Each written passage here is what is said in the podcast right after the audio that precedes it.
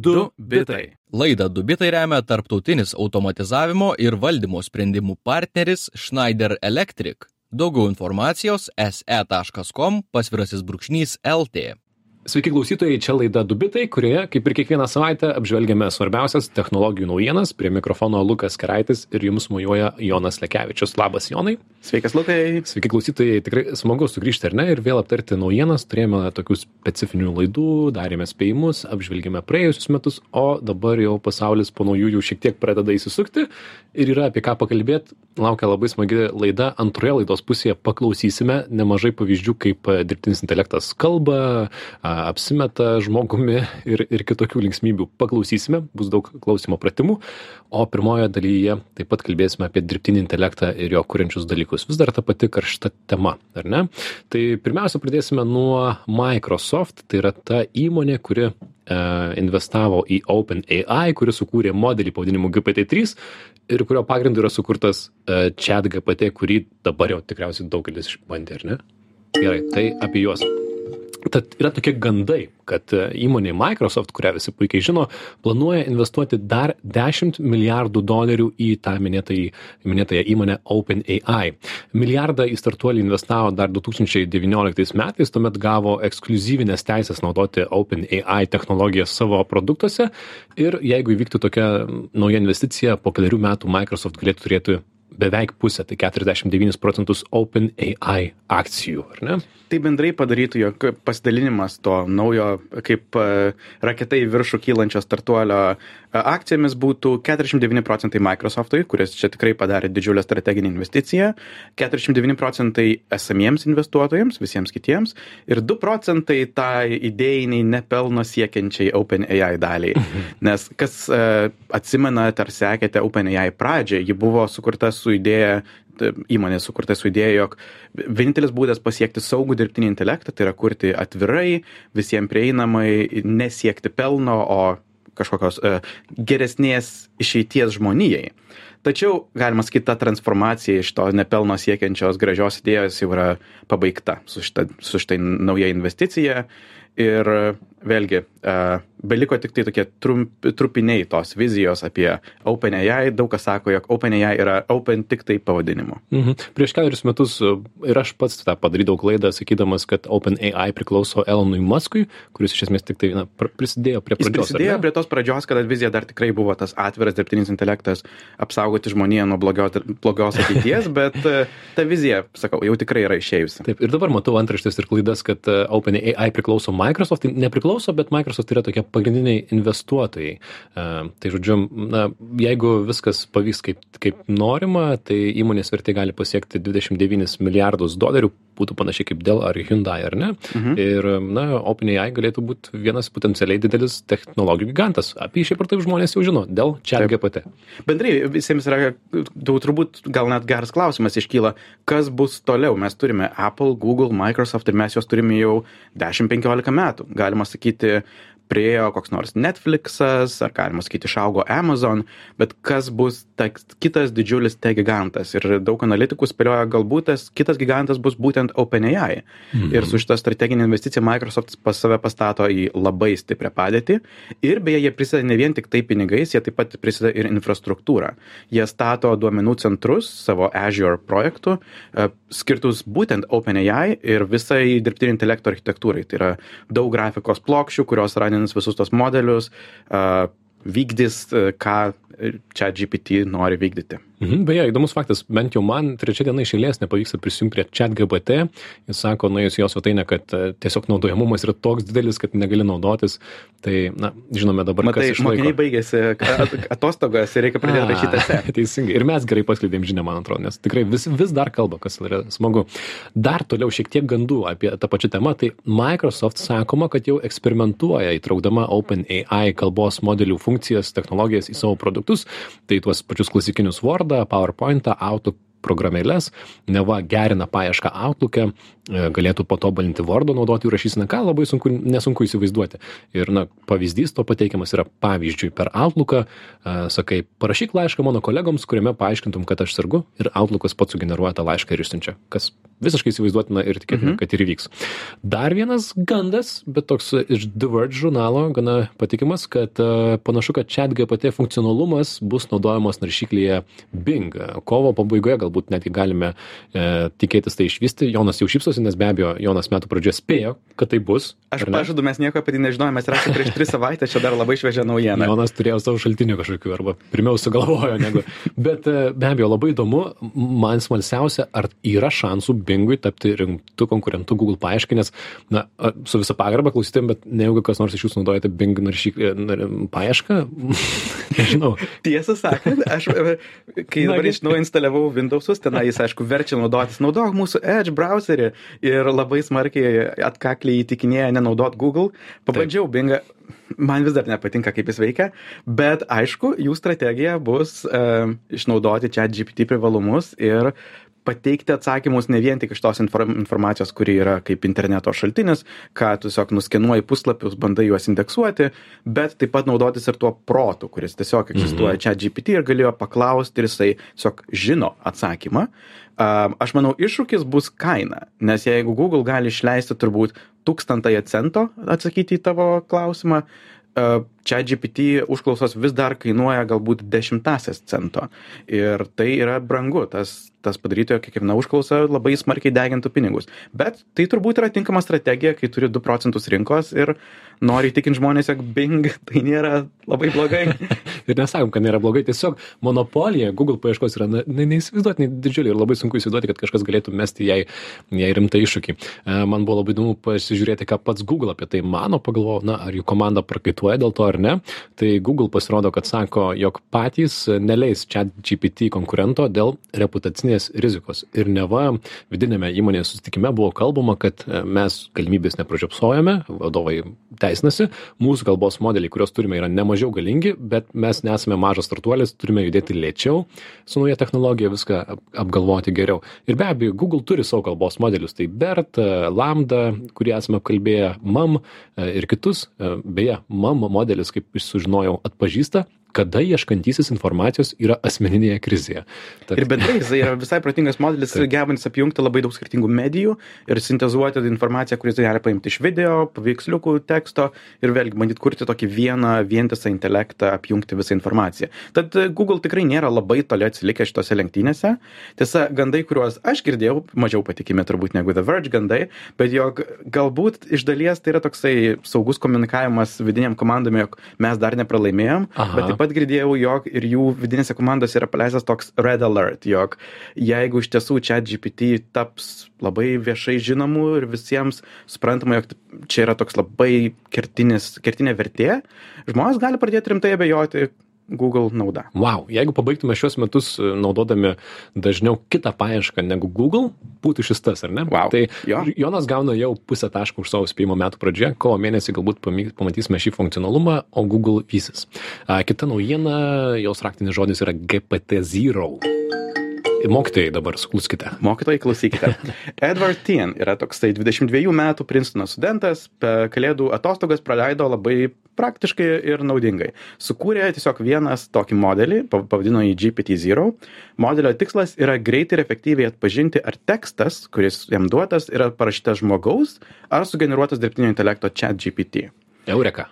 Labai įspūdinga. Ir iš tiesų iš karto susilaukė didžiulio susidomėjimo, nes aišku, nepaslaptis, jog vienas didžiausiai aptarinėjimų čia GPT naudojimo yra būtent namų darbai.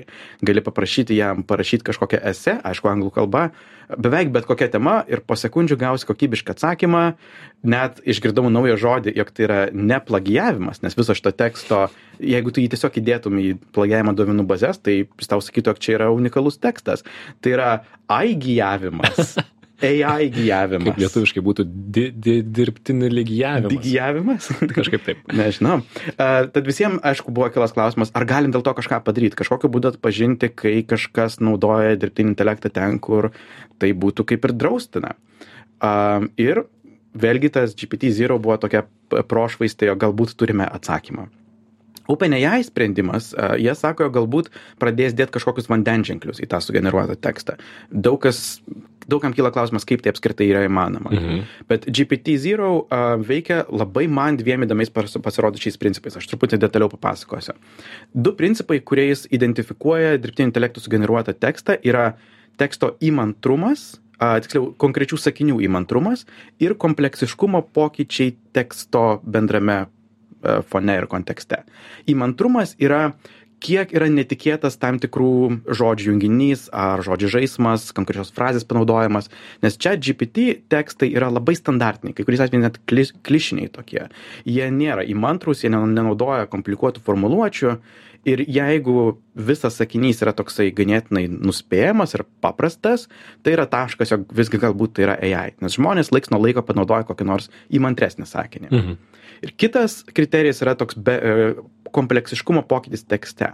Kai žmonės rašo tekstą, kompleksiškumas sakinių varijuoja. Kai kurie yra labai paprasti, o kai kurie sakiniai yra su visokiam šalutiniam formuluotėm, įdomesnėm idėjom, galbūt tankesniu tankesnėm idėjom mažiau žodžių pasakyta daugiau minčių.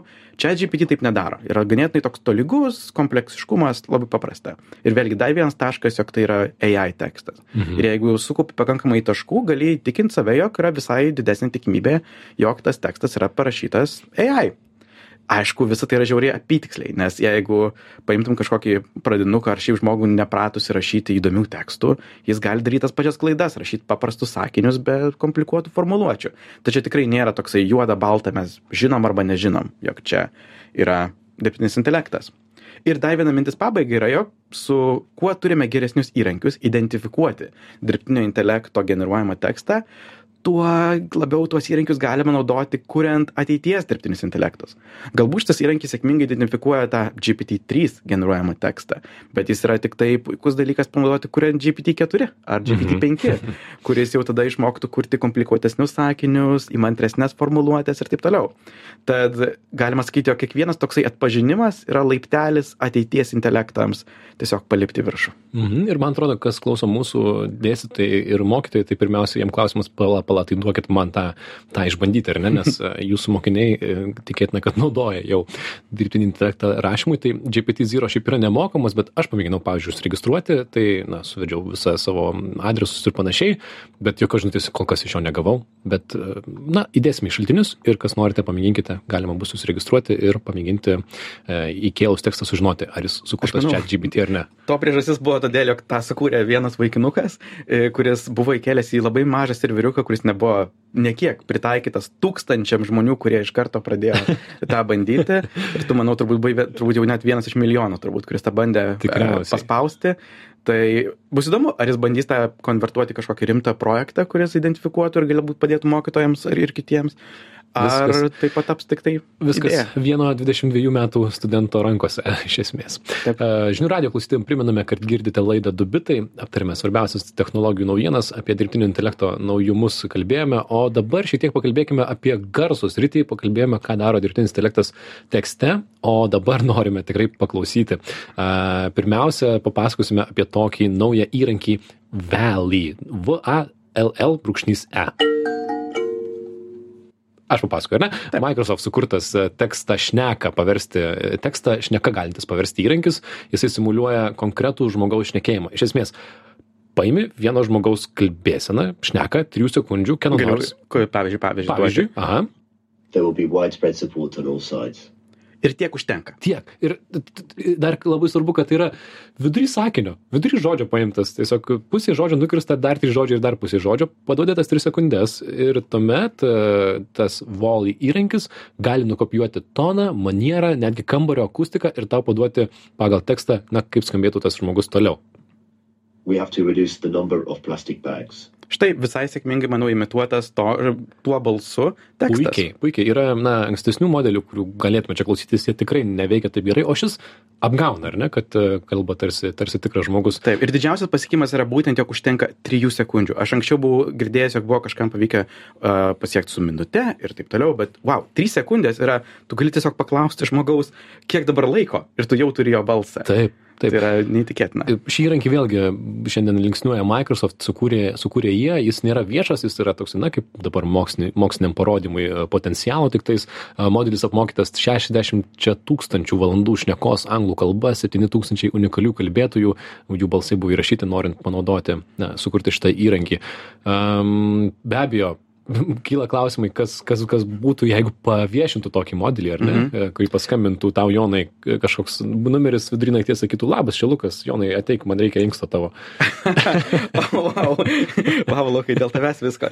Um, šiaip, turbūt yra labai suprantamas priežastis, kodėl jie nenori to, to atskleisti, nes tai tikrai turėtų labai daug potencialiai pavojingų panaudojimų, bet kaip parodė GPT-3, kaip parodė DALI, tu negali laikyti modelių slapta nuo žmonių ilgai, nes... Nes yra konkurentai, kurie daro panašius ir paleis Taip, bus vienas arba kitas. Pavyzdžiui, Google buvo paleidę, pa, paviešinę tą savo modelį Imagen apie kurį beveik niekas nėra girdėjęs, visi yra girdėję apie Delį. Todėl, jog Imagen nėra prieinamas viešai, o su Delį visi gali pažaisti. Ir turbūt nenori būti tuo užmirštuoju, tad turbūt laikas bus kažkada paleisti. Bet jeigu pakankamai ilgai niekas nieko nepaleidžia, tai atsiranda atvirų konkurentų, kaip Stable Diffusion atsirado kaip konkurentas Delį. Tad tikrai šita, šita Pandoros skrinė negalės būti uždaryta amžinai. Ir aš net spėčiau, turbūt gal šiemet jau kažkas turės paleisti kažką panašaus, nes vėlgi gimsta, gal netokie kokybiški, bet konkurentai gimsta kas mėnesį. Taip. E, kita naujiena, ar ne, tikriausiai. Aš galiu dar truputuką parodyti ir, ir pavyzdžių. A, gerai, paklausykime, na dar, kad įsivaizduotumėte. Yra keletas tokių įdomių aspektų su šito modeliu. Viena, kad jis sugeba atkurti ne tik balsą, bet ir tą akustinę aplinką.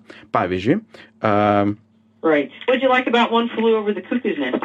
Tai buvo įrašas akivaizdu per telefoną ir jisai gali imituoti tą pačią estetiką. I think it's like you know, and more convenient too. Visai puiku. Ir man, tiesą sakant, mane labiausiai nustebino, kaip jis atkuria emociją. Tai yra, jog jeigu tas jo uh, apmokantis įrašas yra, pavyzdžiui, piktas. Her face was against his breast. Uh, jis taip pat imituos piktą tekstą. Bet pavyzdžiui, jeigu tekstas buvo toks miegantis, tuomet tą patį tekstą jisai pasakys lyg beveik mėgodamas. Ir be abejo, aš įsivaizduoju tą funkcionalumą, kad tiesiog duodi tekstą ir pasirinki vieną iš emocijų stulpelėje ir jis tikriausiai taip pat galėtų tai padaryti. Tai dar kartelį. Tai reikia trijų sekundžių, bet kurio žmogaus šnekos, kad galėtum atkopijuoti jo balsą. Tai tie, tie žmonės, kurie ne, nemiega ramiai dėl dirbtinio intelekto pasiekimų, tai turės dar vieną priežastį. Aš paminėčiau dar vieną iš praeitų metų pavyzdį. Pernai vasarą Amazon paskelbė, jog jų balso asistentas Alexa taip pat galės imituoti bet kokį balsą. Jie sakė, užtektų vos minutės pavyzdžio. Ir wow, Amazon. Jų pavyzdys buvo, jog Alexa šnekėtų mirusios močiutės balsu. Jie sakė, visi esame praradę mums svarbių žmonių. Amazon, paklausyk, čia yra vienas blogiausių pavyzdžių, ką galėtum duoti. Nežinau, kaip jie sugalvojo, kad mes to norime. Galbūt kažkas to nori, bet būtų šiek tiek keista, ar ne? Tikriausiai. Tai va. Bet e, balsų ir šnekų naujienos dar nesibaigia. Apple pristatė dirbtinio intelekto įgarsinamas audio knygas ir tai daro jos super, super gerai. Mes taip pat galėsim paklausyti, ar ne? Uh, tai šita sistema turi po keturis balsus - moterišką ir vyrišką dviem specifiniam žanram, romant, e, romantiniams romanams ir savo pagalbos knygoms. Bet iš esmės, na, tai atveria galimybės įgarsinti staiga greitai bet kurią knygą ką iki šiol reikėdavo daryti su profesionaliais e, autoriais. Sistema yra įdomi tuo, kad jinai turi keturis konkrečius balsus, po moterišką ir vyrišką, skirtą dviem specifiniam žanram. Tai yra romantiniams romanams ir tokį savipagalbos self-help knygoms. Tai aš dar pasakiau, kol tu dabar ieškoji, kur paleis atsiprašau. failus. Bet galim paklausyti, ar ne? E, Taip. Kaip tai skamba. Uh, taip, ir. Uh, Bandom didžiauti vieną ranką su Jonu ir leisti jums įrašus. Taigi dirbtinis intelektas į, įskaito knygas. galim paskaityti, pavyzdžiui, iš pradžių romantinę. In Gerai. the greenhouse drew his eye, and a woman emerged. At first, he wasn't sure. The woman was about the right age, but there was something different about her, about the way she carried herself.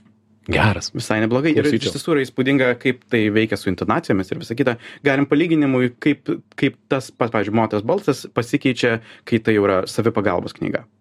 On nights with a new moon, we would walk to the end of the beach to find our favorite constellation, the Pleiades. I know Bill carried within him deep currents of spiritual yearning that he found easiest to express. Visai neblogai. Mhm. Ir tai yra dirbtinio intelekto sugeneruoti balsai. Tai žodžiu, balso aktoriai, e, ačiū, durys yra štai kaire.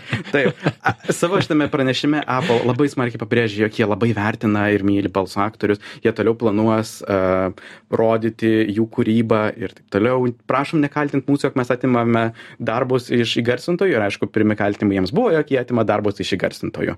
Ir aišku, labiausiai garsiai tą kritikuoja knygas įgarsinančios kompanijos, aš esu labai šokiruotas tuo. labai tikrai netikėta, bet be abejo tai atveria galimybės įgarsinti mažiau populiarias knygas, e, kurios na, neturi tam finansų ir panašiai. Bet kol kas tik tai dalis knygų yra įgarsintos, ar ne, Apple, Apple program, na, tose platformose. Taip, ir vienas iš turbūt priežasčių, kodėl taip yra ir tai užtruks visai ilgai, kol kas Apple sako, jog įgarsinti knygą tokiu būdu uh, užtrunka vieną, du mėnesius. Neretai žymiai ilgiau negu tai užtruktų žmogui, balso aktoriui. Um, Apple konkrečiai nekomentuoja, kodėl, išskyrus paminėjo, knyga turi praeiti jų kokybės kontrolę.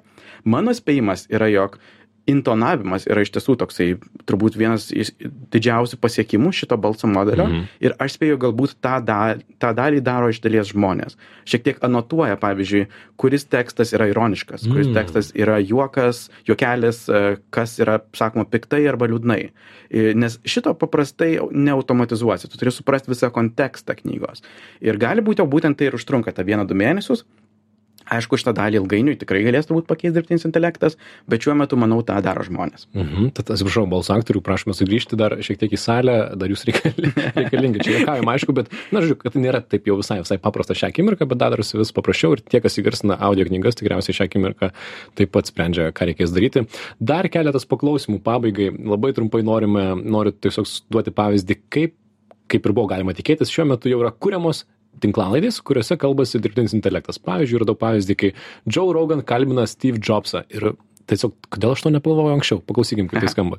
love, feel love for each other, awe and respect for life, love and connection with people, that ultimately some infinitesimally small thing that I am is connected to everything that's happened before. Atrodo kaip Steve Jobso pranešimas. happening now and always in the future. There is no time window at deliverance. Kur. Roganas šneka, Roganas. pakalbėkime, paklausykime Ro- Rogano. I remember that result in products. The watch companies, we've seen the, all the engineers trying to get something out that Apple got lections and science has also been. many Oh, people Steve Jobs something like monologas. so powerful and it means so much. Is that good? If a company gets to the point where it's successfully doing a few things, you don't have to try and do everything. Mhm, Tai trumpai girdėjome Joe Roganą, bet tiesą pasakius, šitam podcast'e paklausius ilgiau, tai Steve'as Jobsas labai girdisi, kad jo jis yra apmokytas savo pranešimų balsu ir jisai kalba kaip pranešimuose ir kartais juokiasi labai keistose vietose. Tuo tarpu Joe Roganas skamba labai, labai tikėtinai ir, na, tik laiko klausimas, kada išgirsime dar mm, podcastų, tinklalaidžių, kur kalbasi, nei, na, įsivaizduojami žmonės. Aš manau, kažkas padarys anksčiau ar vėliau tai lietuvių kalba, bus, bus labai įdomu, kokius veikėjus parinks, kas su kuo kalbėsis. Taip. Manau, čia turbūt kintamasis yra tas, jog, aišku, Džeroganas kuria podcastus, Mhm. o Steve Jobsas niekad net ne, nėra buvęs podcastuose iš esmės. Tai uh, tikrai labai skiriasi balso intonacijos ir, ir, ir tikslas.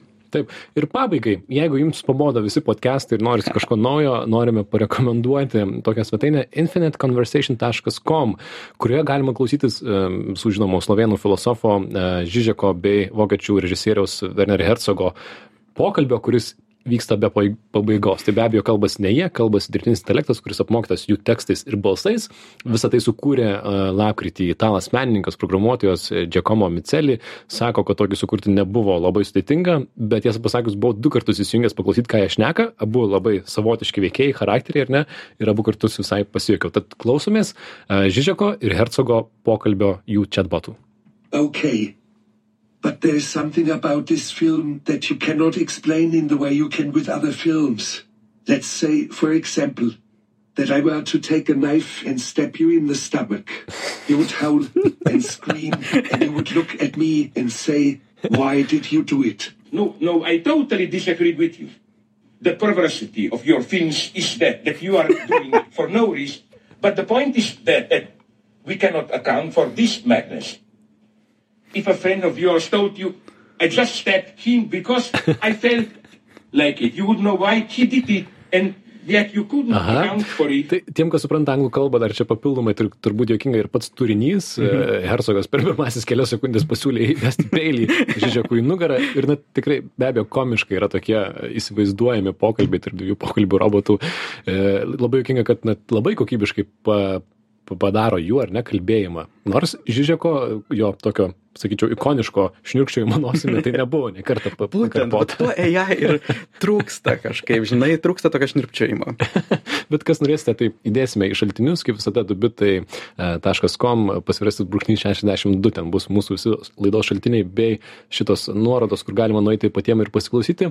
Šią savaitę tiek, mus galite klausytis kaip tinklaladė, kur jums tik patogu, žinių radijas, tai ne žinių radijas.lt, mūsų laidos įrašai. Čia buvo laida Lukas Keraitis ir Jonas Lekevičius bei pašnekovai pranešėjai du bitai. E, iki kitos savaitės. Grįžime su kitom naujienom. Iki. Iki.